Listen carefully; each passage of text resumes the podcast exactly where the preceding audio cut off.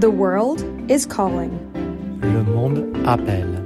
Mir zaviot. 世界在呼唤你。Il mondo ci chiama.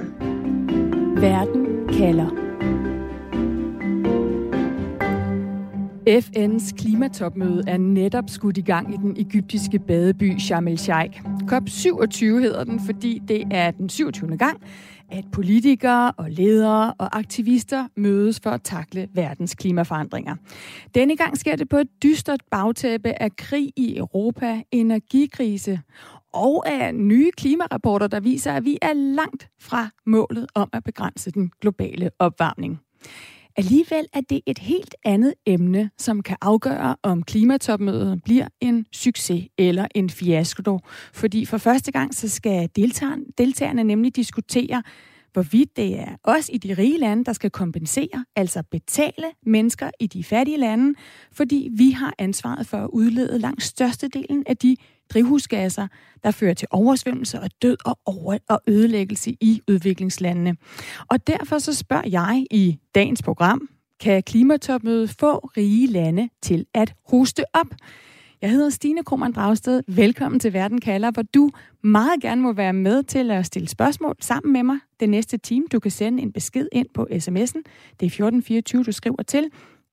Er det uretfærdigt, hvis lande, der har hovedansvaret for klimaforandringer, ikke betaler for de klimaødelæggelser, som rammer de fattige lande hårdest? Eller risikerer vi at skrive under på en blankosjek, hvis vi forpligter os til at give klimaerstatninger? Og giver det overhovedet nogen mening at bruge penge på at kompensere fattige lande, hvis der i forvejen mangler penge til det, det hele handler om, nemlig at bremse klimaforandringerne ved at reducere vores egen udledninger? Lidt senere, der skal du høre fra klimaaktivisten Raid Ali fra Fiji-øerne, som siger, at klimakamp for ham handler om overlevelse, fordi hans land er ved at drukne i de stigende verdenshave.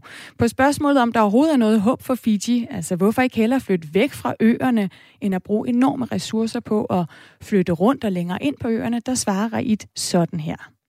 I, I think that question comes from a a very privileged perspective.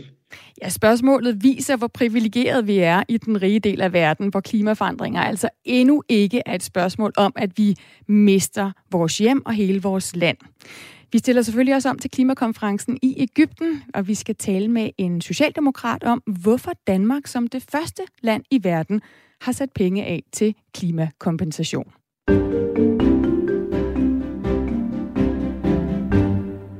Men vi starter i Frankrig, hvor du befinder dig, Thor Keller. Velkommen til Verden kalder. Tak skal du have. Tak. Du er europakorrespondent for information, og du dækker klimakonferencen. Øh, Det har du gjort i mange år. Det er den fjerde, du skal til. Thor, hvorfor har du ikke taget afsted endnu? Det gør jeg, fordi vi på, på øh, Dagbladet Information, der dækker vi altid den sidste uge, fordi øh, det var jo to uger. Og øh, den første uge, det er der, hvor der er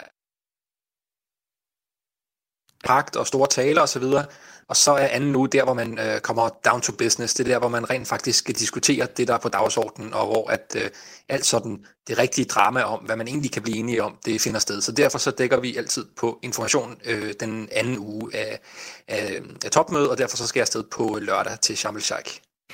Tora, der er en lille smule problemer med din forbindelse her. Øhm, det lyder som om, du taler igennem en eller anden skrivemaskine. Øhm, så jeg ved ikke om, øh, hvis du lige, jeg ved ikke om det hjælper at ryste telefonen lidt og se, om forbindelsen bliver bedre. Ellers kan det være, at vi lige skal ringe dig op. Men øh, lad os lige prøve, øh, prøve at hænge på her øh, et, øh, et, et spørgsmål til. Altså, klimatopmødet, det var så helt til den 18. november. Øh, I går var det den første dag, og alligevel så skabte det altså overskrifter, fordi det stod klart, at klimakompensation, altså det her med, at de rige lande skal betale til de fattige, det bliver simpelthen et selv, selvstændigt punkt på dagsordenen. Hvem er det, der har kæmpet for at få klimakompensation på dagsordenen? Nu må vi se, om forbindelsen holder. Øh, det øh, er Nej, det gør den simpelthen ikke, Thor Keller. Eller... Ved du hvad, vi ringer simpelthen lige op til dig øh, på en, en telefon, fordi desværre så er der øh, problemer med forbindelsen, som ellers var helt fint, da vi testede den for lidt siden, øh, og hvis faktisk også kom i radioen med, med den test. Vi prøver lige at ringe øh, Thor Keller op, som altså er europakorrespondent for Information øh, og dækker øh, klimakonferencen, som er skudt i gang her øh, i går søndag og varer helt til den 18. november, og hvor verdensledere kommer Blandt andet kommer Joe Biden fra USA og hans øh, klimaansvarlige John Kerry. Øhm, vi ved ikke endnu, hvem der kommer fra Danmark, fordi vi jo har en, øh, en fungerende regering, vi har regeringsforhandlinger, og derfor er det simpelthen ikke meldt ud, hvem der skal repræsentere øh, Danmark endnu. Jeg skal lige se, øh, om vi er ved at have Thor Keller med på en, øh, en telefon. Vi, vi arbejder på at få Thor Keller med hvad hedder det? Jeg kan lige prøve at spille et klip fra øhm, Raid Ali, som I hørte fra lige for lidt siden, som altså øhm, bor øh, i Fiji, som bliver ramt af øhm, de her klimaforandringer. Her forklarer Raid Ali, hvordan Fiji-øerne øh, bliver påvirket af de klimaforandringer, der sker lige nu. Fiji remains one of the smallest contributors to global climate emissions, yet we face some of the most devastating consequences of uh, climate change. So the rapid rise in sea levels and the resulting saltwater intrusion and coastal floods have made portions of, of Fiji uninhabitable. And uh, Fiji is a volcanic island, so they, there is space to move upland. But the problem is that most of our communities at the moment are coastal based communities. For example, Six large communities in my country have already been forced to relocate as a result of sea level rise, with 43 more expecting to be moved inland. Ja, den 28-årige Raid øh, Ali fra Fiji, han er altså klimaaktivist. Han er en af lederne af Fijis største ungdomsklimabevægelse. Og så arbejder han målrettet på at få rige industrialiserede lande, som for eksempel Danmark og USA, til at betale for de ødelæggelser, altså de tab og skader, som klimaforandringerne forårsager i Fiji. Blandt andet, som man her fortæller, hvordan at øh, hele nabolag i Fiji er tvunget til at forlade deres hjemstavn og flytte ind og op i landet for at flygte for de her stigende havstande. Og selvom det måske for mange mennesker i verden er helt normalt, det her med at rykke tilpælene op og flytte rundt, så forklarer Raid, at det er ødelæggende for ham og for andre mennesker fra Fiji at blive rykket op med rode. The word for we have a word in Fiji called Vanua, which loosely translates as land, but the actual translation means uh, our home, land, ocean, and our spiritual ties to it. So, so this bond that we have with our, the bond that I have with my, with the country that I live on, is very unique, and it has vast significance, which is cultural, historical, and spiritual. So my identity is linked to the land that I live on. Uh, and we have always relied on it for sustenance and a means of connection, not just from one island to another, but to each other. Raid han siger altså, at han mister sit identitet, sin historie og kultur, når han bliver tvunget væk fra sit land, altså fra sin hjemstavn i Fiji.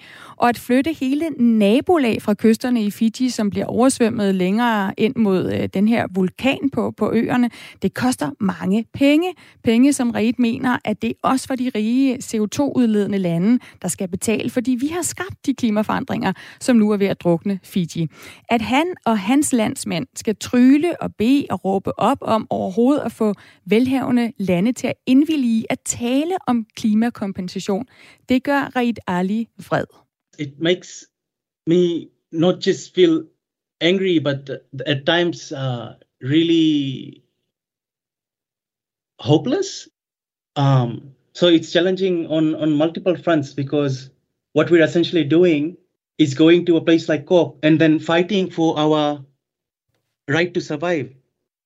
For Raid så handler det altså om retten til at overleve, om at bevare hans identitet og kultur. Og han fortalte mig, at han var frustreret over, at øh, alt det, der er på spil for ham, at det blev reduceret til et spørgsmål om penge på klimatopmødet, fordi han altså som, som indfødt skal forhandle med ikke-indfødte fra de rige lande, som han, som han kalder det, øh, som han ikke føler forstår, hvad det vil sige at have et tilhørsforhold til et bestemt geografisk sted. And it, it, it, gets, it gets more frustrating because uh, people in the Pacific and indigenous people more broadly uh, are people who live with deep attachments to land, uh, place, culture, their language, and identity. So, negotiating with people who are non indigenous, who do not have an ancestral connection to a place or a sense of being and belonging, is tough because uh, it's hard.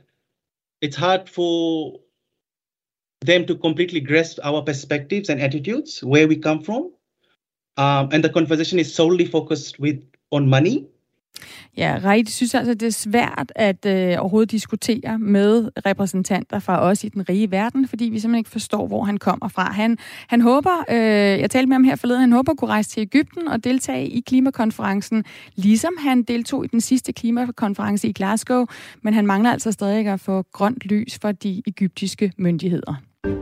Du lytter til Verden kalder på Radio 4. Men uh, Thor Keller, nu har vi dig med igen, Europakorrespondent for Information. Du har fået grønt lys og skal altså afsted til, til klimakonferencen. Prøv lige at rise op her. Nu hørte vi fra Raid Ali uh, uh, fra Fiji-øerne. Hvem er det ud over Fiji-øerne, der har kæmpet for at få klimakompensation på dagsordenen? Det er jo altså alle de øh, fattigste lande, alle de mest sårbare lande, øh, som jo allerede mærker konsekvenserne af klimaforandringerne. Vi har set øh, Pakistan, hvor op mod en tredjedel af, af landet er blevet oversvømmet. Øh, folks landsbyer ligger øh, flere meter under, under vand. Vi har set voldsom tørke på Afrikas horn, øh, og det er jo bare de sidste øh, løbet af det, det sidste års, øh, års penge her, det her ting er sket. Ikke? Øh, men de har altså i op mod 30 år talt om behovet for at få tab og skader ind. Øh, og der er det vigtigt, at man skiller mellem tab og skader, altså en form for erstatning eller kompensation for klimaødelæggelserne, og så det, man kalder klimabistand, som øh, skal gå til øh, tilpasning og til, øh, til at lave øh, bygge vindmøller og den slags, sørge for, at de slår ind på en, en grøn energivej. Øh, det, som vi jo fejlede med at gøre i, i den vestlige øh, verden. Men tab og skader, det handler simpelthen om de steder, hvor at man ikke kan tilpasse sig, men mm. hvor man simpelthen er nødt til at, at flytte. Hvem er det, som de fattige lande eller syden vil have skal hoste op øh, med øh, penge til tab og skader på det her klimatopmøde? Det er også Øh, det er Europa, og det er øh, USA øh, i høj grad, som de mener øh, skal betale for det. Øh, og det er jo fordi, det historisk set er os, der har stået for stort set øh, alt den CO2, vi har lukket ud i, i atmosfæren. Øh, den balance er jo ved at ændre sig i de her år, fordi at der er en stor velstandsstigning i øh, mange af de øh, lande, som man tidligere kendte for ulande. Altså, øh, man kan jo diskutere, om Kina stadig er et øh, uland, når man ser på øh, det CO2-udslip, de har lige nu. Men man taler om det her historiske ansvar, altså hvad der er sket siden den industrielle revolution, øh, og, og, og det er det, som ligesom danner baggrund for øh, diskussionen fra øh, de her fattige og sårbare lande, øh, at der er et historisk ansvar, som øh, der skal betales for. Øh, hvis man ser på, hvad det så vil koste, fordi det er jo noget af det, som øh, er der, der er stor øh, usikkerhed om, jamen så kom der en rapport her i juni fra 55 af de her sårbare lande, som estimerede, at øh, deres øh, tab i løbet af de sidste to årtier, det er 525 milliarder dollars, altså omkring 20 procent af deres øh, BNP. Øh, så det er ret mange penge, det handler om. Og øh, i forvejen har de rige lande svært ved at øh, finde de 100 milliarder dollar om året, som de havde lovet, de ville levere fra Øh, 2020 til klimabistand, altså til, øh, til tilpasning og til at bygge grøn energi osv. Øh, og hvis man så lægger de her øh, midler oveni, som, som skulle gå til, til tab og skade, så taler vi altså om en anselige øh, milliardbeløb. Og det er jo der, hvor vi så hører Reid Ali fra Fiji sige, han kan egentlig ikke lide det her med hans liv, øh, og spørgsmålet om han har et ret til at overleve på Fiji, at det bliver til et spørgsmål om, om penge. Men Tore, det er vel realiteten, når vi tæller klimakompensation. Altså, at vi skal prøve at regne ud, som du siger, 525 milliarder dollars, øh, andre store øh, beløb øh, kan man også finde rundt omkring. Altså, vi skal prøve at regne ud, hvad tab af liv og skader på ejendom og land er værd i øh, kroner og øre eller i dollars. Ja, det er jo det, man forsøger at, at sætte, sætte øh, penge på, sætte beløb på. Altså, hvad, hvad koster det, hvis dit land forsvinder? Øh, det er jo Maldiverne, for eksempel, som vi taler om her, som risikerer simpelthen at forsvinde stort set fra, øh, fra verdenskortet. Hvad, hvad skal det så koste? Og hvem skal betale? Og kan, som han jo også er inde på, øh, altså, hvad kan man bruge det til? øh, hvis hele ens kultur og de steder, man har knyttet øh, bånd til i sin opvækst osv., forsvinder fra jordens overflade. Så det gør det til både sådan en meget konkret diskussion, altså øh, de her steder forsvinder, hvad skal vi gøre ved det? Øh, og så gør det det også til sådan en, en, en filosofisk og etisk debat, som, øh, som er svær at håndtere. Og så skal man jo også huske på, at det er jo ikke fordi, sådan, at international politik er kendetegnet ved retfærdighed, altså at der sådan altid er retfærdighed i, i løbet af de sidste par hundrede års øh, historie. Det er ikke sådan, at der er, der, det, det er hver gang, man mødes blandt øh, de store lande, så, øh, så, så finder man frem til en retfærdig løsning. Mm. Men nu har vi så i hvert fald Fiji blandt andet, andre udsatte og sårbare lande som øh, Pakistan og mange afrikanske lande, som kræver, at de rige lande putter penge på bordet. Så hvis vi lige forfølger pengesporet øh, her, altså som du siger, der er pengespor, der er det her med moral, øh, moral, øh, moralsk ansvar og, og retfærdighed. Når det gælder pengesporet, Torkeller, øh, den her pose med penge til klimakompensation, altså betalt for tab og skader, hvor mange penge er der i den her klimamødestart? Jamen, øh, der er ikke ret mange penge. Nu talte vi før om øh, for, et eller andet 525 milliarder dollar og den slags øh, beløb. Det er nogle helt andre beløb, vi taler om, som der er på bordet i virkeligheden. Danmark har lagt øh, nogle penge på bordet. Det kan blive op mod øh, 50 millioner kroner. Øh, Belgien har lige lagt øh, 2 millioner euro, altså 15 millioner kroner på bordet. Øh, Skotland har øh, lagt nogle penge på bordet. Vallonien, øh, den her lille øh, region i Belgien, har lagt nogle penge på bordet, men ellers så er der ikke nogen penge overhovedet på plads til det her. Øh, og der er ikke nogen, der har kommet med signaler ud over dem, jeg lige har talt om, om at de vil lægge penge på bordet. Tværtimod kan man se, at, øh, at øh, de skændes allerede lidt om, om regningen, også blandt de rige lande, øh, om hvem der egentlig gør nok på det her. Den franske præsident Macron har været ude at sige her på, på første møde af høj, højniveau, øh, delen af topmødet, at øh, USA og, og Kina skal til at betale nogle flere penge, øh, og, og sådan kan man blive ved med at pege fingre af hinanden. Så indtil videre nærmest ingen penge, men øh, en pose med, med dialog, øh, som, øh, som, som de fattige lande kalder det. Altså jeg synes lige, vi skal høre, hvad Raid, klimaaktivisten for Fiji, han øh, siger til den her dialogpose, som han synes, man blev spist af med ved det sidste klimatopmøde i Glasgow.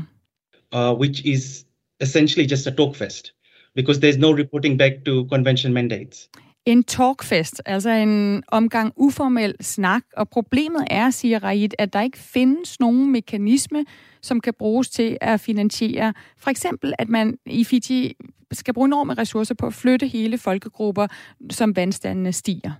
That there is currently no financing mechanisms that can deal with the issues of sea level rise. And no financing around the issues of relocation and resettlement that allow people to create new livelihoods and inform consent-based opportunities to structure their new futures. So these are the ex- existing crucial gaps. Der er altså ikke, og nu kan vi tage et ord, som er sådan meget klimalingo, en finansieringsmekanisme, som er noget af det, man gerne vil have, vil have på bordet ved det her klimatopmøde. Men Tore, du nævnte jo lige før, der er faktisk en anden pose penge på 100 milliarder dollars, som de rige lande allerede har lovet de fattige lande, som det, der hedder klimabistand. Hvorfor kan vi ikke bruge nogle af de penge til at betale øh, som erstatning for nogle af de her ødelæggelser, der er sket?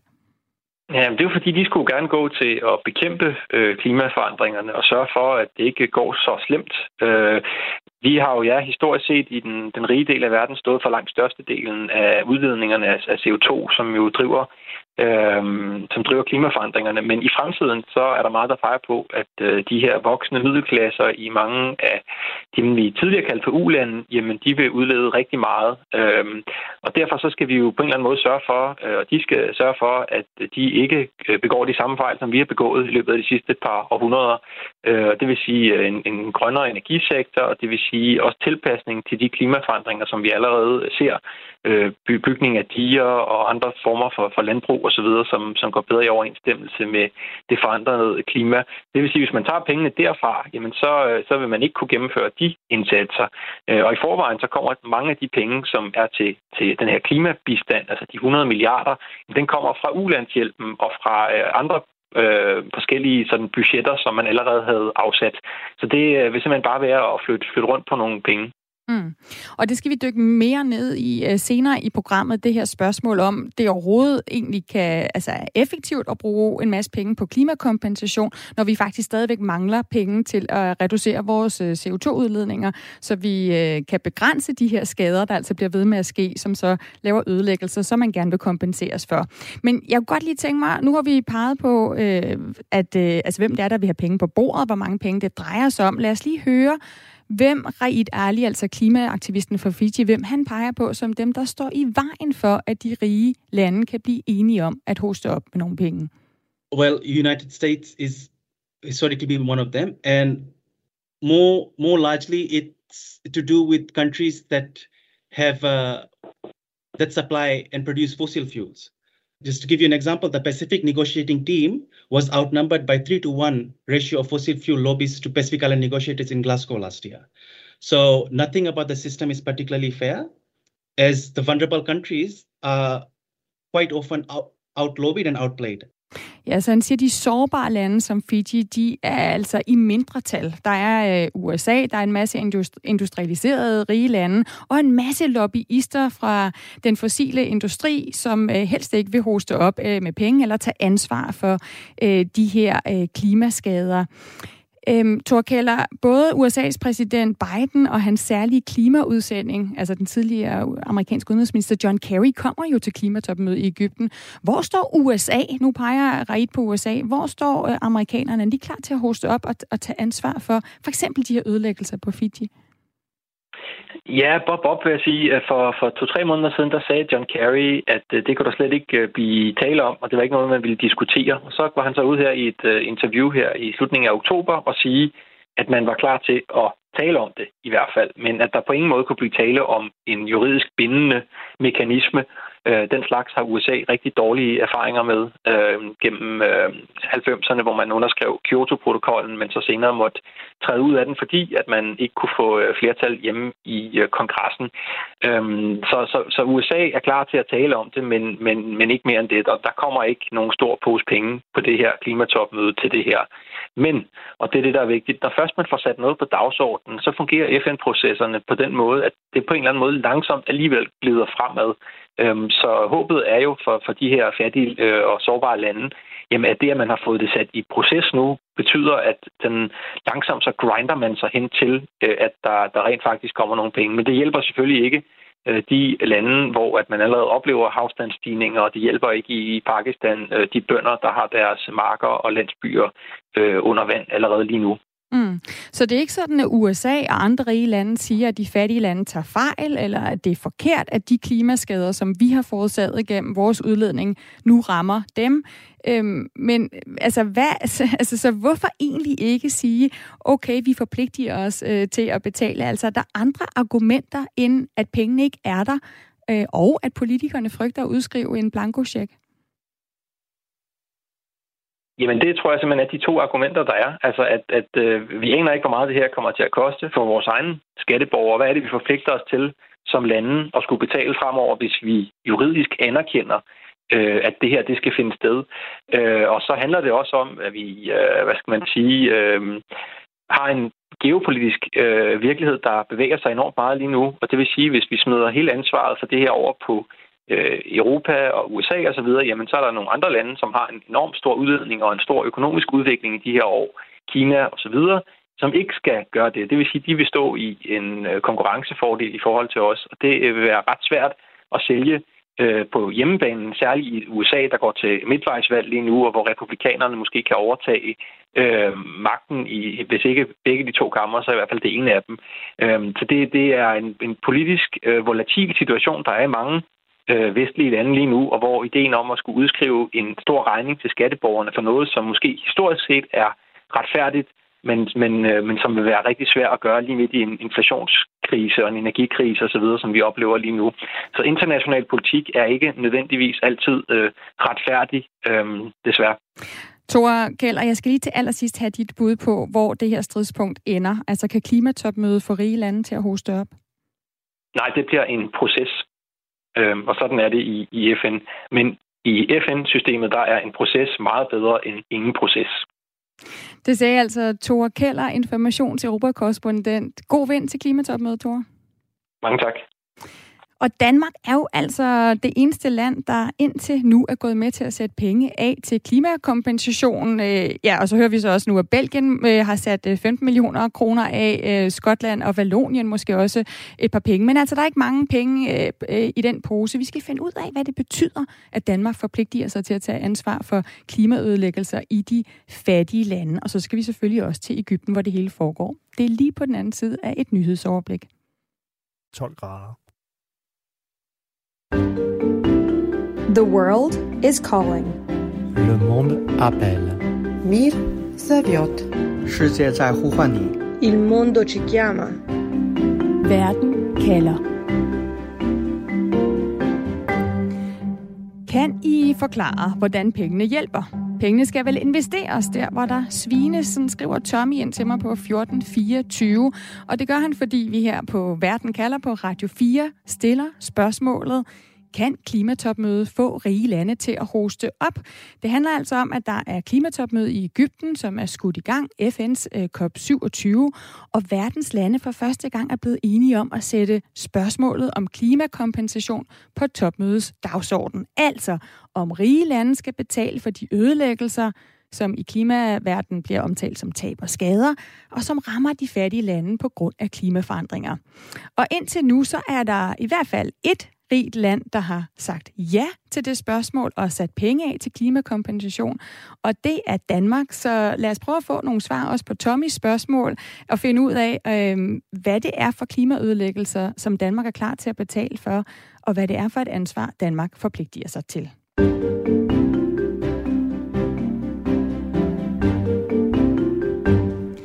Og det skal vi finde ud af sammen med dig, Niels Fuglsang. Du er medlem af Europaparlamentet for Socialdemokratiet og ordfører på grøn omstilling og økonomi. Og så har du også været, været med til at arbejde på øh, hvad hedder det, hele Europaparlamentets øh, klimapolitik. Og du sidder lige nu i, i en bil, men vi håber, der er nogenlunde god øh, forbindelse nede fra Bruxelles af. Niels, øh, Danmark er jo lige nu midt i regeringsforhandlinger, så det er uklart, om der overhovedet er en dansk minister, der kommer til at repræsentere Danmark og, og forhandle på vores vegne i Ægypten. Så er det godt, at vi kan få fat øh, på, på dig. Kan du ikke forklare, øh, altså hjælpe med at forklare mig, har Danmark et ansvar for de ødelæggelser, som klimaforandringer skaber i verden? Ja, tak skal du have. Øh, jo, det synes jeg bestemt, Danmark har. Øh, altså, øh, man skal huske på, at det er de rige lande, som i, i høj grad har øh, stået for udledningerne af CO2 historisk set. Øh, og, og det er de fattige lande, der kommer til at, at betale omkostningerne, fordi det er de lande, hvor der er mest, øh, der er mest sårbare simpelthen. Når man taler om, hvis vi taler om Afrika, så er det jo lande, der er, hvor det er meget varmt, og hvor der er tørke og så videre. Så jeg synes i høj grad, at vi har et ansvar i Danmark og i de rige lande i høj grad til at, til at øh, hjælpe med at betale nogle af de omkostninger. Vi har så i Danmark sat øh, 50 millioner kroner af, måske helt op til 100 millioner kroner til øh, at klimakompensere. Hvem skal have de her penge? Jamen det, som, som øh, man fra regeringen har lagt op til, det er, at, at de her Sahel-lande, øh, som er en række lande i, i Centralafrika, at det er dem, der, øh, der bliver prioriteret i de her 100 millioner kroner. Det er jo nogle lande, hvor at, øh, det er nogle meget fattige lande, det er nogle lande, der er plaget af konflikter på den ene og den anden måde. Øh, regeringerne er meget svage, og, øh, og det er nogle lande, hvor man kan sige, at klimaforandringerne kommer til at ramme hårdt, fordi at, øh, at øh, landene risikerer, at ørken og tørke spreder sig, sådan at man ikke kan dyrke jorden længere. Øhm, og derfor så er det nogle lande, der i den grad har brug for, altså der, der bliver ramt af klimaforandringerne, og, og der er ikke særlig rige, som har brug for, at vi hjælper dem. Mm. Så pengene skal gå til et sted, hvor der er allermest brug for, øh, at, at de kan hjælpe på grund af klimaforandringer, øh, og hvor de, hvor de altså skal gøre en, en forskel, de her 100 eller 50 eller 100 millioner kroner. Prøv lige at høre, øh, Niels Fuglsang, prøv lige at høre, hvordan klimaaktivist Raid Ali fra Fidjøerne, han har det med, at vandstigninger, som skyldes altså udledninger fra rige industrialiserede lande, som for eksempel Danmark, hvordan han har det med, det betyder, at han og hans folk øh, lige nu kæmper for at, at overleve. It makes me not just feel angry, but at times uh, really hopeless because what we're essentially doing is fighting for our right to survive. Ja, han siger, at det han i sidste ende gør lige nu, det er at kæmpe for hans ret til at overleve. Øhm, Niels Fuglsang, har Raid her fra Fiji, har han ikke lige så meget brug for de danske millioner som, som Sahel? Jo, det tror jeg, han har. Øhm, og, øh, og derfor så håber jeg også, at der er flere lande, der kommer til at bidrage øh, i forbindelse med, med det her spørgsmål, som man har åbnet, som handler om klimakompensation. Vi bidrager med 100 millioner kroner i første omgang Danmark, og det kan ikke øh, redde både Fiji og Sahel og Pakistan og andre områder i verden, der, der virkelig har brug for hjælp.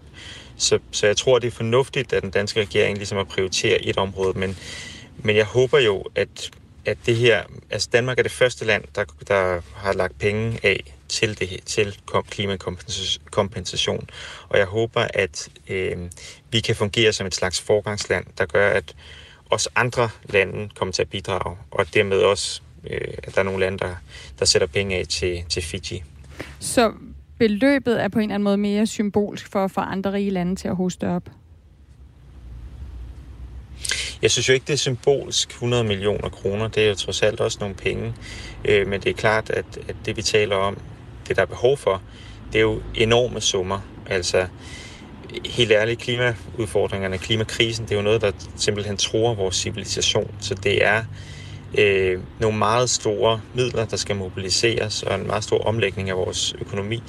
Øh, og, og der er det her jo selvfølgelig bare et, et lille skridt, kan man sige, men jeg, men jeg synes, at, at 100 millioner kroner er selvfølgelig også en, en, en, en form for penge, der ikke kun er symbolpolitik. Så jeg synes, det er rigtigt, at Danmark er gået foran på det her. Hvor langt rækker 100 millioner danske kroner? Øh, jamen det øh, kan man sikkert stille op på mange måder, men jeg ved jo, at det, noget af det, man vil bruge pengene på, det er at sørge for at, at støtte, at man kan forsikre sig mod øh, de skader, der sker øh, som, som følge af klimaforandringer. Jeg tror, øh, eller det er klart, at det er svært at forsikre sig i dag mod forskellige former for oversvømmelser og tørke og så videre, som man ikke længere kan dyrke jorden, fordi øh, man kan ikke finde et forsikringsselskab, der vil der vil gå ind i den forretning, fordi øh, det kan jo blive nogle meget høje præmier, eller nogle meget høje udbetalinger, man skal, man skal foretage som forsikringsselskab. Men det, man kan gøre med de her 100 millioner, er jo blandt andet at, at støtte sådan nogle forsikringer, sådan at folk kan få øh, en forsikring. Og det tror jeg kommer til at betyde noget for, for, for mennesker, der bor i Sahel. En af vores lyttere, Jens fra Aarhus, han skriver, at klimakompensation kan ikke komme på tale, øh, mener Jens. Vi skal have topskattelettelser i, i stedet for. Jeg er ikke sikker på, om Jens lige har sat kryds ved, ved dit parti her ved, ved valget, Niels Fuglsang. Men altså, vi kan i hvert fald slå fast, at klimaeksperter jo siger, at de her omkostninger for tab og skader, de løber op i billioner, øh, og beløbet jo kun bliver større. Altså, når nu vi i Danmark tager ansvar øh, og siger, okay, vi putter øh, 50-100 millioner på, på bordet, hvor dyrt bliver det så i yderste konsekvens for Danmark, hvis, hvis vi skal blive ved med at betale vores færre share, altså vores øh, del af det her beløb, der bare vil stige? Jamen, jeg tror øh, først til Jens, det der med topskattelettelser, det synes jeg er jo helt hen i vejret i, i forhold til at løse de her øh, problemer. Og, øh, og jeg tror, der skal en helt anden form for politik til, som ikke kun kommer til de, de rige til gavn. Men, men det er klart, at hvis, hvis Danmark skal betale for for alle øh, de skader, der sker i forhold til klimaet i verden. Så det er jo et enormt beløb, som vi ikke på nogen måde har mulighed for at, at betale. Øh, så det, det, man har taget hul på med, de, med ved klimatopmødet, der starter her i Ægypten, det er jo at få gang i den diskussion om klimakompensation. Og det er ikke kun Danmark. Danmark har taget et lille skridt nu og gået foran. Men jeg håber jo på, at det kan være med til at bane vejen for en diskussion, hvor også USA og andre europæiske lande og, og andre rige lande i verden siger, at vi må altså også bidrage. Vi bliver nødt til at hjælpe. Der er lande i verden, der er ekstremt sårbare. Øh, mm. Fiji er et eksempel, Sahelområdet er et andet. Og der, der bliver de rige lande altså nødt til at bidrage i højere grad. Så bare så jeg forstår det, altså vi siger fra, fra Danmark, øh, regeringen siger, ja, det er retfærdigt, at vi er med til at betale for de ødelæggelser, som kommer fra klimakatastrofer. Vi vil frivilligt nu sætte et beløb, 50-100 millioner kroner, øh, øh, øh, til siden til det. Men så siger vi samtidig, øh, nej, vi vil ikke, og det samme med resten af de rige lande, vi vil ikke forpligte os til at tage ansvar Altså selvom vi erkender, at, at det er os, der er sønderne? Jeg, jeg tror, altså vi tager jo, jeg synes jo egentlig, vi tager ansvar i Danmark. Altså vi, vi gør jo både det, at vi forsøger at reducere vores egne udledninger. Vi har klimaloven og 70% målet, som vi gør, hvad vi kan for at leve op til. Øh, så bidrager vi også med ulandsbistand og, og støtte i, i, i forskellige sammenhæng. Der er jo det her kompensation, som er en, hvad kan man sige, en ny pulje, nogle nye penge, vi mm. giver, og som jeg håber, som sagt, at andre, penge, at andre lande også vil gå ind på. Men i forvejen skal man jo være opmærksom på, at der er afgivet løfter også fra Danmark, men, men fra alle de rige lande, om, om en anden pose penge ja, til klimabistand. Årligt. Men hvis vi lige lægger den penge, til side... Som, som også er ude at køre. Ja, som også er ude at køre, men som ikke lige kan bruges til klimakompensation. Mm. Men bare lige for at forstå til sidst her, Niels Fuglsang. Altså, mener du, at Danmark til klimatopmødet i Ægypten skal øh, forpligte sig til at tage ansvar? Altså ikke bare frivilligt putte nogle penge i en pose, men forpligte sig?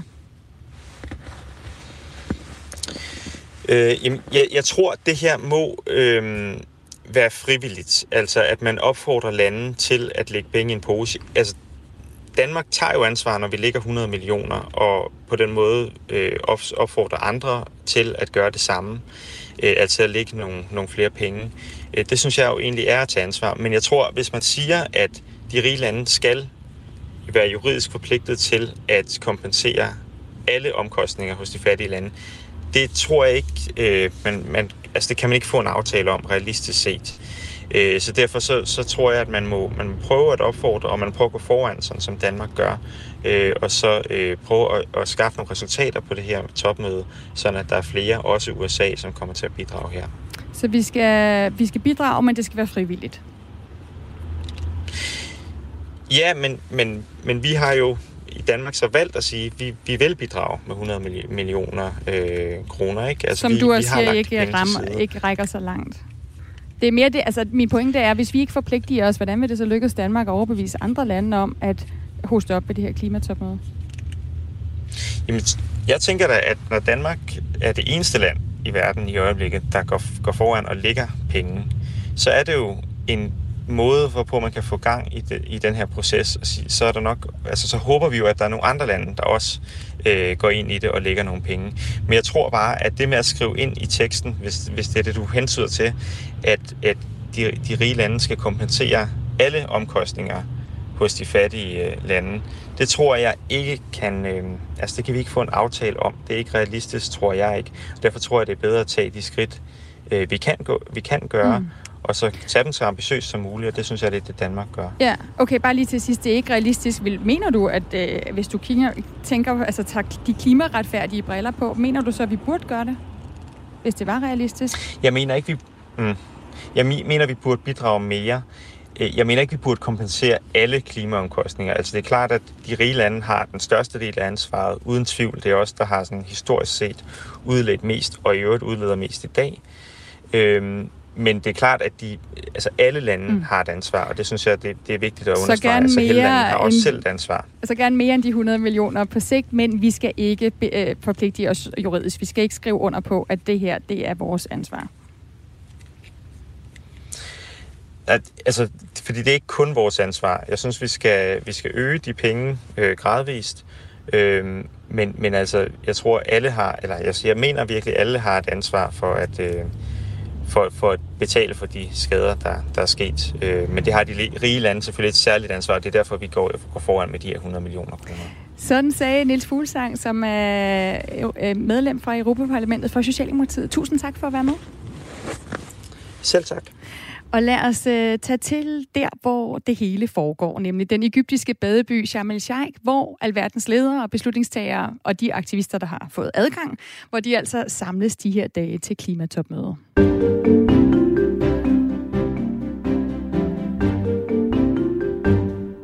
For i et øh, konferencecenter med udsigt til Sinai-ørkenen på den ene side og det røde hav med koralrev på den anden side, der befinder du dig, John Norbo. Velkommen til Verden kalder. Tak skal du have. Du er klimarådgiver i udviklings- og nødhjælpsorganisationen CARE. John, øh, du var med i går, da klimatopmødet åbnede, og det lykkedes de, de fattige lande at få klimakompensation på dagsordenen. Og nu venter sig altså den her endnu sværere opgave at overbevise rige lande om, at at vi skal betale regningen for vores CO2-udslip, øh, som skaber de her voldsomme ødelæggelser, altså tab og skader i, i de fattige lande. Vi, vi hørte lige fra Niels Fuglsang, altså Danmark har puttet nogle penge på bordet, men selv her er der jo ikke en villighed til at forpligte sig øhm, og, og skrive under på, at, øh, at vi vil betale for alle de her øh, tab og skader. John, du repræsenterer jo en udviklings- og nødhjælpsorganisation, der støtter de fattige landes klimakamp. På fredag kommer USA's øh, præsident Joe Biden. Øh, USA, vi ved ikke helt, hvor de står. De har først meldt ud, at der ikke kommer nogen global aftale om erstatning til landene, og nu har de så her til sidst sagt, at, at de vil gerne, de bliver i hvert fald nødt til at tale om det her med, om de har en moralsk forpligtelse. Hvis det nu er dig, der fik fem minutter til at forhandle med Biden i et konferencerum i Sharm el-Sheikh, hvad siger du så til ham?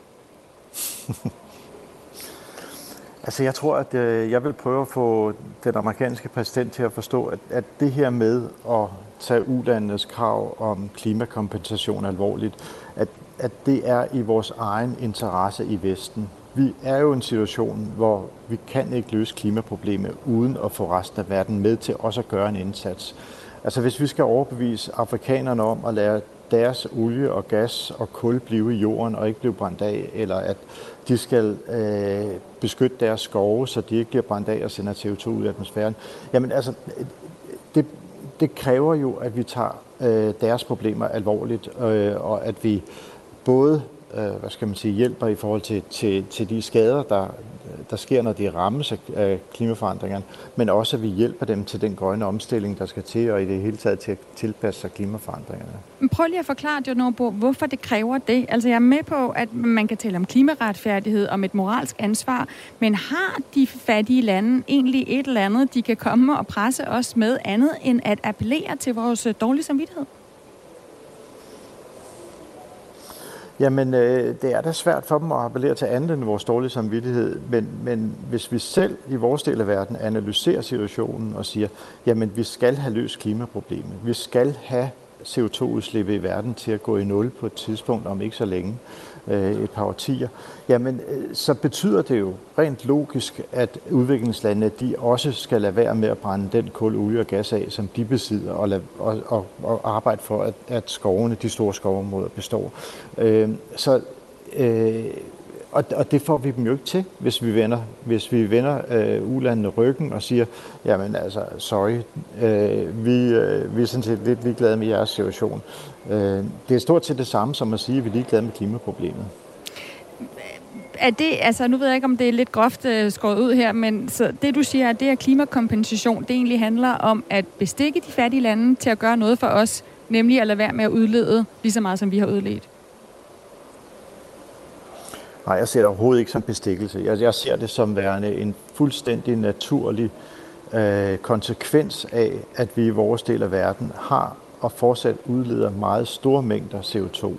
Øh, og det er vores lande, der er blevet rige i en periode, hvor man kunne gøre det, også fordi man ikke kendte konsekvenserne af det. Øh, og, og, og det er bare sådan, at den CO2, som vi har pumpet atmosfæren op med, at den har alvorlige konsekvenser for folk, der stort set ikke har bidraget til det. Så, så det er altså helt logisk, at vi øh, øh, tager ansvar. Øh, det vil vi Altså det, det, er, det svarer til den helt almindelige ansvarsfornemmelse, vi har i, i vores egne samfund, at selvfølgelig skal man øh, tage, tage ansvar og rydde op efter de øh, øh hvad skal man sige, ulykker, man skaber. Jeg kunne godt lige tænke mig at, at, at bore lidt ned i, at øh, der jo så er kommet nogle penge på bordet, hvordan vi så bedst bruger dem. Fordi det er jo nogle af de spørgsmål, der kommer også fra, fra vores lytter her på Verden kalder. Altså, øh, nu har Danmark for eksempel puttet en pose penge på bordet, øh, som skal bruges i Sahel, hører vi.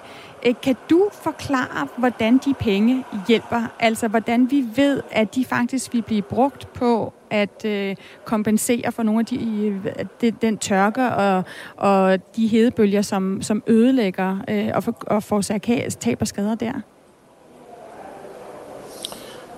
Jeg synes faktisk, øh, at det skal siges, at, at det er flot, at Danmark øh, har lagt ekstra penge på bordet som det første rige land. Og, øh, og, og sådan set hatten af, det er ikke mange penge, 100 millioner i, i det her spil. Øh, men hatten af både for, for den daværende øh, udviklingsminister, som som satte sig ind i de her ting og forstod, at, at her der er et problem, som der øh, kræver handling, og, og som øh, øh, også var i stand til at skrue en, en aftale sammen med de støttepartier, de radikale, SF og mm. Enhedslisten, mm. der havde skaffet de her ekstra penge på finansloven. Men kommer de til at virke? Så, kommer de til at gøre altså, en forskel helt konkret i Sahel? Altså, hvordan ved vi det? Jeg, jeg har selv boet i Vestafrika, i Nigeria. Jeg vil være en lille smule betænkelig ved at sende, sende nogle millioner ned til øh, den regering der og sige, værsgo, øh, I kan bare klimakompensere for dem, og så faktisk tro, at det nytter noget.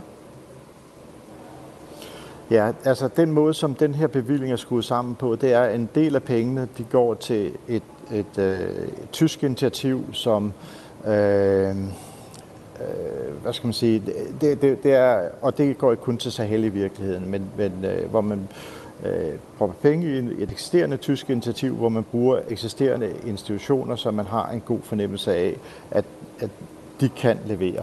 En anden del af pengene, som øh, går til Sahel, dem har regeringen besluttet, at de skal kanaliseres via øh, civilsamfundsorganisationer. Man har bedt blandt andet kære om at byde ind på, hvad, hvad vi kan gøre for at øh, og, øh, bistå her.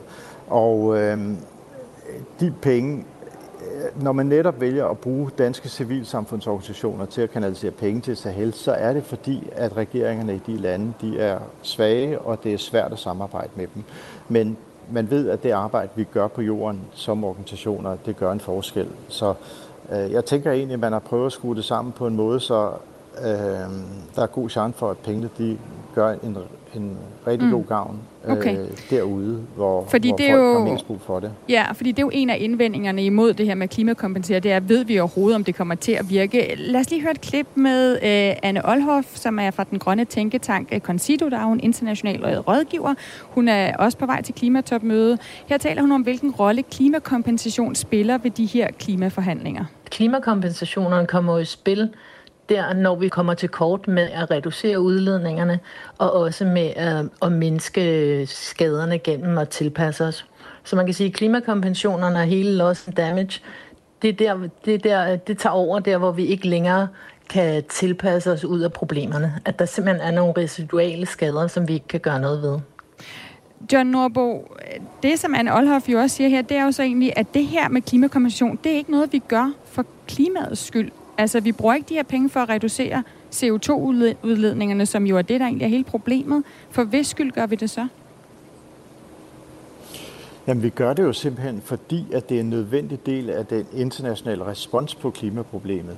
At øh, øh, vi er desværre kommet for sent i verden i forhold til at få øh, reduceret udslip af drivhusgasser, sådan at, at den globale opvarmning øh, har nogle meget massive effekter rundt omkring i verden. Vi øh, har set de her billeder fra Pakistan med de kæmpe store oversvømmelser, øh, som har ramt rigtig mange mennesker, og som er rigtig dyrt. Vi ser øh, lige nu en situation på Afrikas horn, hvor øh, regnen, regnsæsonen den svigter. Øh, det er så femte gang i træk. Der er øh, millioner af mennesker, der sulter der og, og, og bliver fordrevet fra hus og hjem. Så, så vi er i en del af verden, eller vi er i en verden i dag, hvor klimaforandringerne for alvor bider fra sig, og de problemer kan man ikke lukke øjnene for. Men, øh, nej, men så, så kunne jeg jo godt... En gang, Ja, undskyld, så kunne jeg jo godt spørge dig, hvad er vigtigst? Altså, er det ikke vigtigt, at vi bruger penge på at stoppe klimaforandringerne, som bliver ved med at forårsage de her ødelæggelser, end at vi betaler for noget, der allerede er sket? Altså, vi er enige om, at vi bruger ikke nok penge allerede nu på at stoppe de udledninger, som jo bliver ved med at forårsage forandringer. Det er helt sikkert, at der skal bruges flere penge på at øh, reducere udslippet, end der bliver gjort. Men vi bliver også nødt til at se på de skader, der sker øh, rundt omkring i verden. Og det er jo ikke sådan, at man kan sige, at øh, der er en regning, der ikke vil blive betalt, bare fordi vi nægter at gøre det. Det er bare en regning, der kommer til at blive betalt af andre mennesker. Det bliver bare en regning, der bliver betalt af verdens absolut fattigste, som ingen andel har haft i at skabe klimaproblemet. Det er jo fundamentalt unfair.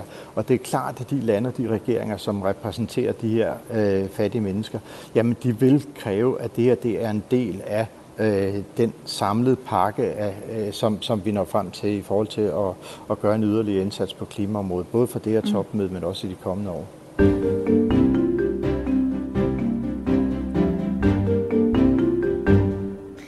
John Norbo, jeg vil gerne lige til sidst øh, hjælp, have din hjælp til øh, også at konkludere på det spørgsmål, jeg stiller her i programmet. Altså, kan klimatopmødet få rige lande til at hoste op? Hvad er dit svar?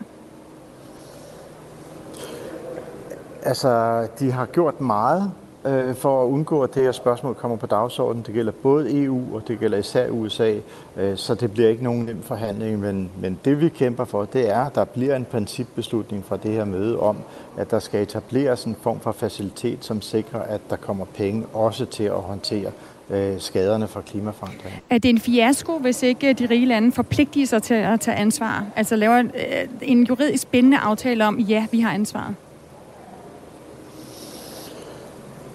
Øhm, det er en fiasko, og det er en faliderklæring for verdenssamfundet, hvis ikke vi kan indse, at øh, øh,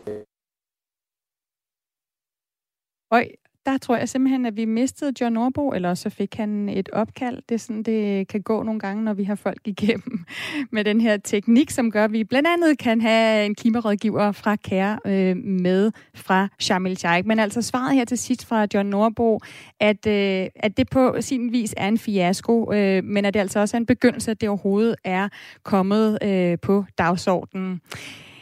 Jeg hedder Stine Krohmann Dragsted, og jeg tilrettelagde den her udsendelse sammen med Nana Tilly Guldborg, Mads Anneberg og vores redaktør af Dorte Lind.